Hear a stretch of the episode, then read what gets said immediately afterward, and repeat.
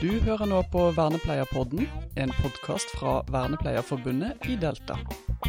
Hei, da er vi i gang med en ny episode, og nå har jeg med meg eh, psykologspesialist Anne Gro Innstrand. Velkommen. Tusen takk. Jeg måtte jo ta tak i deg etter jeg var på workshop med deg. Det var en helt ekstremt eh, god workshop som handla om eh, kollegaveiledning og kollegastøtte. da. Mm, så hyggelig å høre. Ja, så eh, tenkte jeg at jeg har lyst til å ta ut noen elementer av workshopen, for jeg vil at flere skal få med seg dette. Flere må høre på alt det dyktige du hadde å si. Så hyggelig. Ja, Men først, hvem er du? Fortell litt om deg selv. Jeg er eh, en psykolog, som du sa, og jeg jobber med, først og fremst med personer med utviklingshemming og psykisk sykdom. Jobber for å beskytte og behandle for psykisk sykdom og for å bedre livskvalitet. Mm. Og jeg jobber for meg sjøl og har jobbet selvstendig i 15 år. Ja. Og før det, i 15 år før det, så jobbet jeg mer i vanlig offentlig virksomhet. Enten det har vært på sykehus eller PP-tjeneste osv. ja, riktig. Og så har du da, som nevnt, eh, mye erfaring med eh, mennesker med psykisk utviklingshemming, og da utfordringer knyttet til eh, utageringer og slike hendelser, og da i samarbeid med ansatte eller kollegaer. Hvordan ivareta hverandre, da. Og der hadde du mange gode områder. Og du kom inn på temaet med stress. Ja. Med høyfrekvent og lavfrekvent. Kan du bare redegjøre litt for det? Ja, det, det jeg snakket om da, det var egentlig at eh, når du står som en personalgruppe, så i, når du gir omsorg til andre mennesker, så kan det hende at du jobber et sted hvor det er lavfrekvent farlig atferd. Altså det vil si at um, en viss type atferd som er veldig farlig, bare skjer én til to ganger i året. Kanskje du som nyansatt får høre at det, her går det stort sett veldig fint, men vær obs, en gang iblant så skjer det nestenulykker eller veldig farlige ulykker. Og det som var mitt poeng i dag på workshopen, det var at eh, det å jobbe med sånn lavfrekvent atferd, det kan egentlig forårsake ganske mye stress. Noen ganger mer stress enn høyfrekvent. Fordi det gjør noe med tankene våre. Vi går egentlig hele tiden med en form for forventning eller en redsel for at noe skal skje. Unnskyld, og det er disse tankene som ofte gjør at det oppleves som stress. Ikke selve det at det faktisk skjer alltid. Ja, for man går jo nesten bare på vent på noe. På vent Ja. på en forventning. Ja. Som gjerne da er skapt, som du også gikk inn på. Det med hvordan man skaper et bilde av et system eller andre mennesker. da. Ja. På noe som kan være en trussel, og hvordan belastning det har.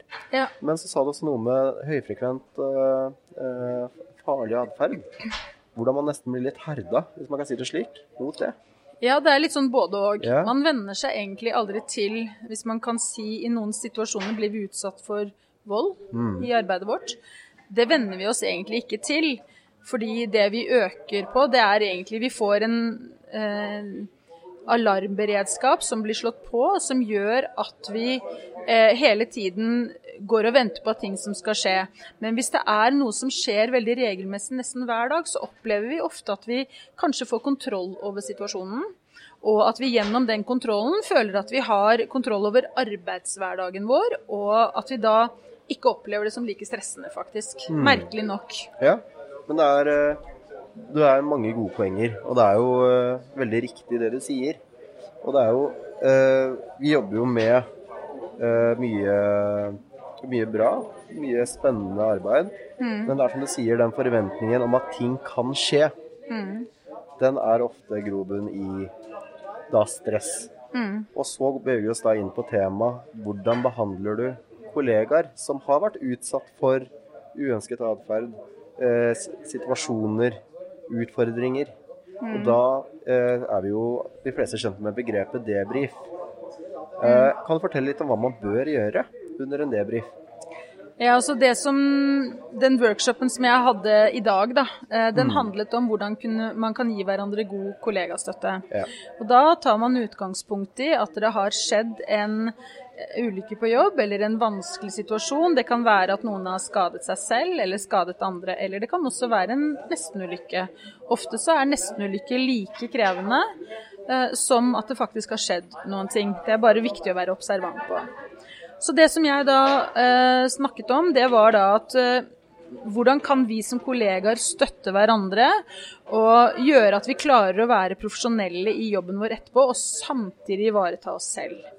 Veldig ofte så blir vi opptatt av hva vi kunne gjort bedre for den vi gir tjenester til, men akkurat på den kollegastøttesamtalen så snakket jeg da punkt én om hvordan sette en ramme for den samtalen. At man sier at nå setter jeg av litt tid til å snakke med deg om det som har skjedd i dag. Og så passer jeg da på at jeg ikke eh, tar notater, fordi at det som kan være dine reaksjoner etter en hendelse, en vanskelig hendelse, kan være litt personlige eller private reaksjoner som ikke har så mye med den situasjonen å gjøre, men som dukker opp fordi vi kanskje er emosjonelt berørt. Og det tredje, eller en ting vi da heller ikke skal gjøre, som er veldig typisk at man gjør som miljøterapeut, Mm. det er at man begynner å diskutere tiltak. Ja. Når man har en sånn kollegastøttesamtale, så er faktisk det et poeng at man ikke skal begynne å diskutere tiltak. Vi skal bare ha en samtale om hvordan vi har det med oss selv etter en slik situasjon. For det her handler om ivaretagelse. Ja. Og så er jo det er et tid, en, eh, en tid eh, og et sted for alt. Det handler om å sortere løsningene da, Mm. på riktig måte. ja.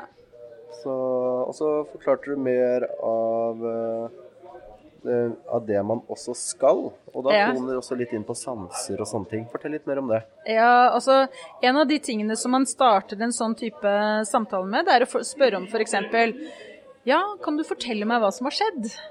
Og så begynner man å fortelle ja, så skjedde det og det.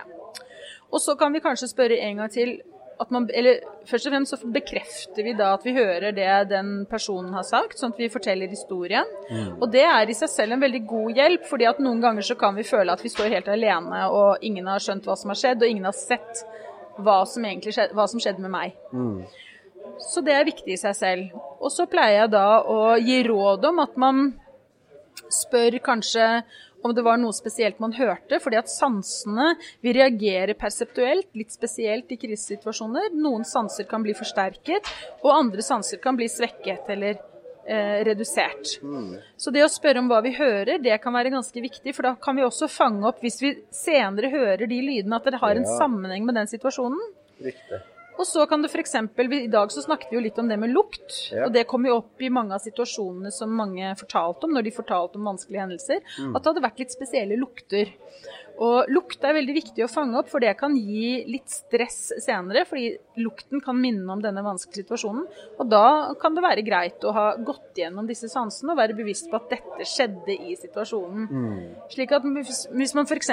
får litt sånn flashbacks, bare ved å kjenne lukten av en spesiell korridor, eller lukten av kanskje for mange på baderommet, at noen ulykker kan skje der, eller noen vanskelige ting kan skje der, så er det spesielle lukter der som kan trigge en stressituasjon, da. Ja. Derfor For lukt er jo sånn eneste sansen som ikke fortolkes, da, som du sa. Ja.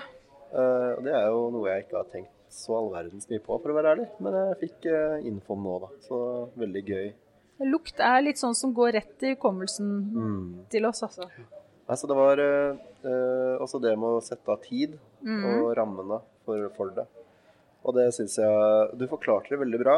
Og så hadde vi jo da workshop med grupper etterpå, Ja. der vi gjennomførte dette. Ja. Eh, og jeg syns det var litt vanskelig å drive og ha rollespill. ja. Men herregud, hvor mye jeg lærte av det.